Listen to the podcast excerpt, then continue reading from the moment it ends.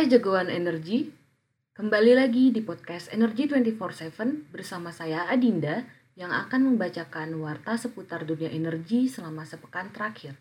So, let's check it out. Berita pertama tentang harga komoditas energi. Rata-rata Indonesian Crude Price atau ICP bulan September yaitu sebesar 72,20 USD per barrel. Sementara itu, per 20 Oktober 2021, harga minyak West Texas Intermediate atau WTI berada di 83,42 USD per barrel. Dan minyak Brent berada di level 85,82 USD per barrel. Untuk coal price, Harga batu bara acuan bulan Oktober 2021 tercatat sebesar 161,63 USD per ton. Sementara Newcastle Coal Price per 20 Oktober 2021 tercatat sebesar 231,5 USD per ton. Selanjutnya, berita dari sektor migas. Lifting migas belum capai target. Begini penjelasan SKK Migas. Satuan Kerja Khusus Pelaksana Kegiatan Usaha Hulu Minyak dan Gas Bumi atau SKK Migas mencatat, lifting migas hingga September 2021 mencapai sekitar 96% dari target. Jumlah tersebut terdiri dari lifting minyak sebesar 661.000 BPOD dan gas sebesar 5.481 MMSCFD. Tercatat dari 15 kontraktor kontrak kerjasama atau K3S besar masih ada beberapa yang belum memenuhi target. Saat ini SKK telah mendapatkan persetujuan dari Menteri SDM untuk kegiatan pengeboran 5 sumur infill dan 2 sumur tambahan. Dengan persetujuan ini, diharapkan upaya menahan laju penurunan serta peningkatan produksi di 2022 dapat dilakukan itu, Pertamina Hulu Rokan pun kini masih menghadapi tantangan peningkatan produksi pasca tidak adanya kegiatan pengeboran di masa akhir pengelolaan Chevron. Menurut Kepala SKK Migas, Dwi Sucipto, lifting minyak dan kondensat menemui sejumlah kendala yang berimbas pada potensi pengurangan lifting. Sejumlah kendala tersebut antara lain adalah low entry point sebagai imbas pandemi COVID-19 di tahun lalu, yang membuat lifting di awal tahun sedikit terkendala. Lalu unplanned shutdown, penundaan pengeboran, dan kegiatan walkover sumur, serta penundaan on-stream lapangan migas. Sejumlah upaya optimasi pun dilakukan, seperti optimasi produksi dengan memanage penurunan produksi, penambahan kegiatan pemboran dan walkover sumur, penerapan teknologi untuk produksi, pengurasan stok dan crash program yang seluruhnya diprediksi berkontribusi sekitar 7,4 ribu BPOD. Kondisi sedikit berbeda terjadi di sektor gas yang dinilai lebih baik, didorong oleh serapan yang cukup baik. Selanjutnya, berita dari sektor New and Renewable Energy. Begini status rancangan Perpres Pembelian Tenaga Listrik EBT.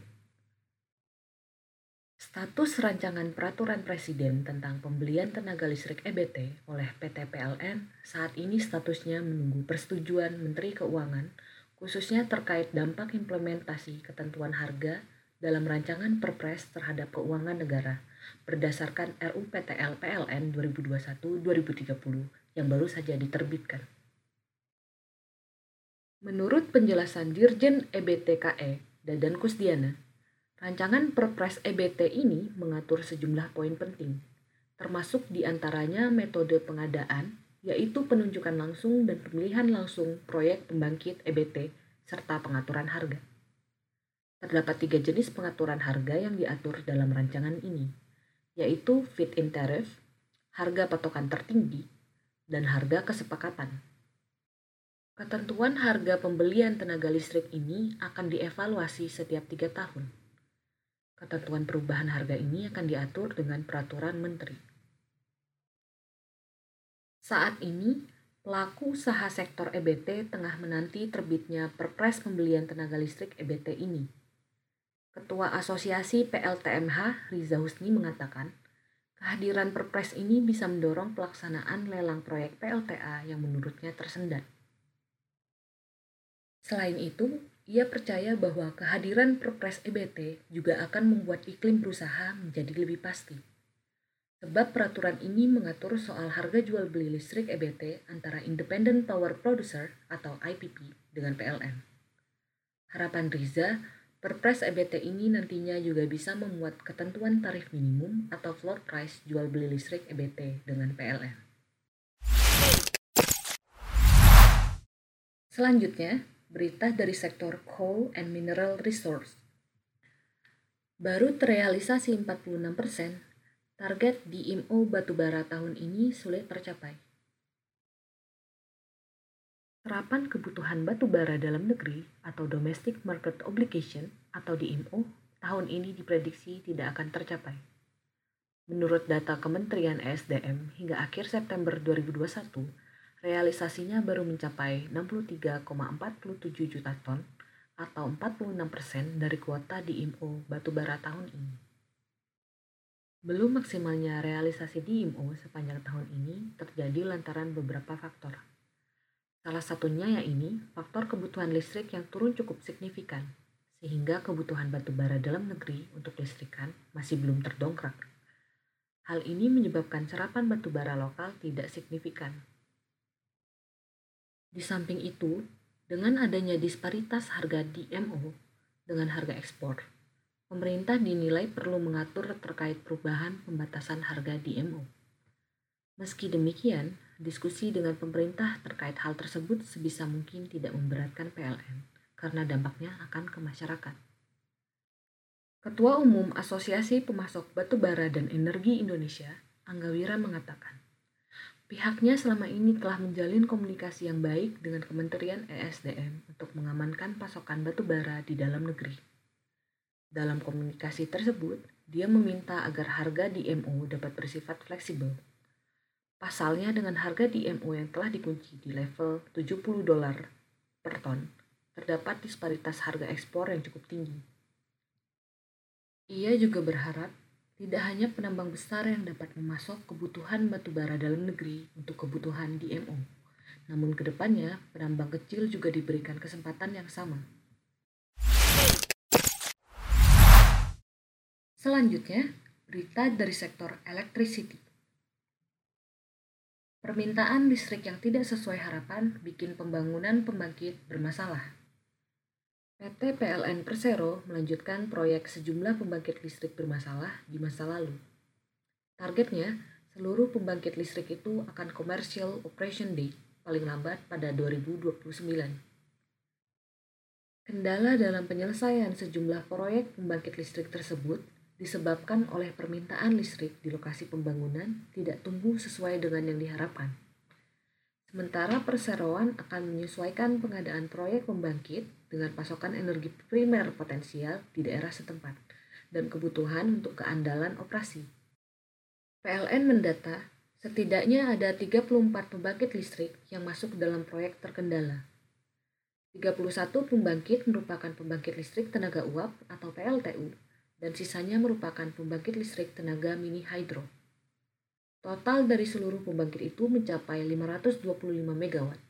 Rencana Usaha Penyediaan Tenaga Listrik atau RUPTL oleh PLN untuk tahun 2021-2030 menerangkan bahwa pemerintah sempat membangun infrastruktur ketenaga listrikan berupa pembangkit transmisi dan gardu induk. Proyek tersebut dilaksanakan pada tahun anggaran 2011 sampai 2023 dan 2013 sampai tahun 2015. Namun dalam pelaksanaannya, beberapa proyek mengalami kendala di lapangan. Sejumlah persoalan yang mengemuka antara lain masalah pembebasan lahan, relokasi, rencana tata ruang wilayah, serta kemampuan kontraktor dalam menyelesaikan proyek. Meski begitu, proyek itu tetap dilanjutkan setelah memperhatikan infrastruktur ketenaga listrikan masih dibutuhkan oleh sistem tenaga listrik setempat. Terkait kemampuan kontraktor dalam proyek ini, PLN telah meminta bantuan kepada Badan Pengawas Keuangan dan Pembangunan atau BPKP untuk memastikan keberlanjutan proyek yang mengalami kendala. Apabila berdasarkan hasil audit menyebut proyek tersebut harus diterminasi, maka PLN akan membangun jaringan transmisi dan gardu induk atau dengan pembangunan pembangkit lain. Berita terakhir mengenai climate change. Perpres nilai ekonomi karbon oleh-oleh Indonesia di COP26. Pemerintah masih terus membahas Perpres nilai ekonomi karbon sebagai upaya untuk menurunkan emisi gas rumah kaca. Perpres ini diharapkan bisa disahkan sebelum konferensi PBB terkait perubahan iklim atau Conference of the Parties COP26 di Glasgow, Skotlandia mendatang. Perpres yang memuat pengaturan penyelenggaraan nilai ekonomi karbon, termasuk mekanisme perdagangan karbon atau cap and trade dan carbon offset, result based payment atau RBP, dan pajak atas karbon, serta upaya pencapaian target National Determination Contribution atau NDC yang terkait dengan penyelenggaraan nilai ekonomi karbon dan pembentukan instrumen pengendalian dan pengawasan. Carbon trading akan menjadi salah satu hal yang krusial dalam pertemuan COP26. Indonesia sudah menyiapkan sejumlah polisi terkait carbon trading Salah satunya yang baru saja disahkan adalah pajak karbon. Setelah Perpres tentang nilai ekonomi karbon atau NEK ini terbit, uji coba perdagangan karbon akan sangat membantu dalam pengembangan mekanisme pengendalian emisi nasional. Di kesempatan yang sama, PLN mengatakan sudah siap secara infrastruktur dan SDM dalam melakukan transisi energi dan membantu pemerintah mencapai target bauran EBT 23% tahun 2025. PLN akan mengganti PLTU dan diubah menjadi biomasa. 5.000 PLTD juga akan diganti menjadi EBT dengan harapan untuk mengurangi efek gas rumah kaca.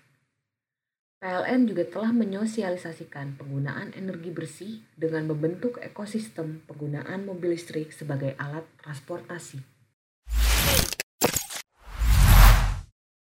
Sekian Energi 24/7 minggu ini. Jangan lupa follow semua akun sosial media PYC dan subscribe Energy Drink by PYC ya. See you next week.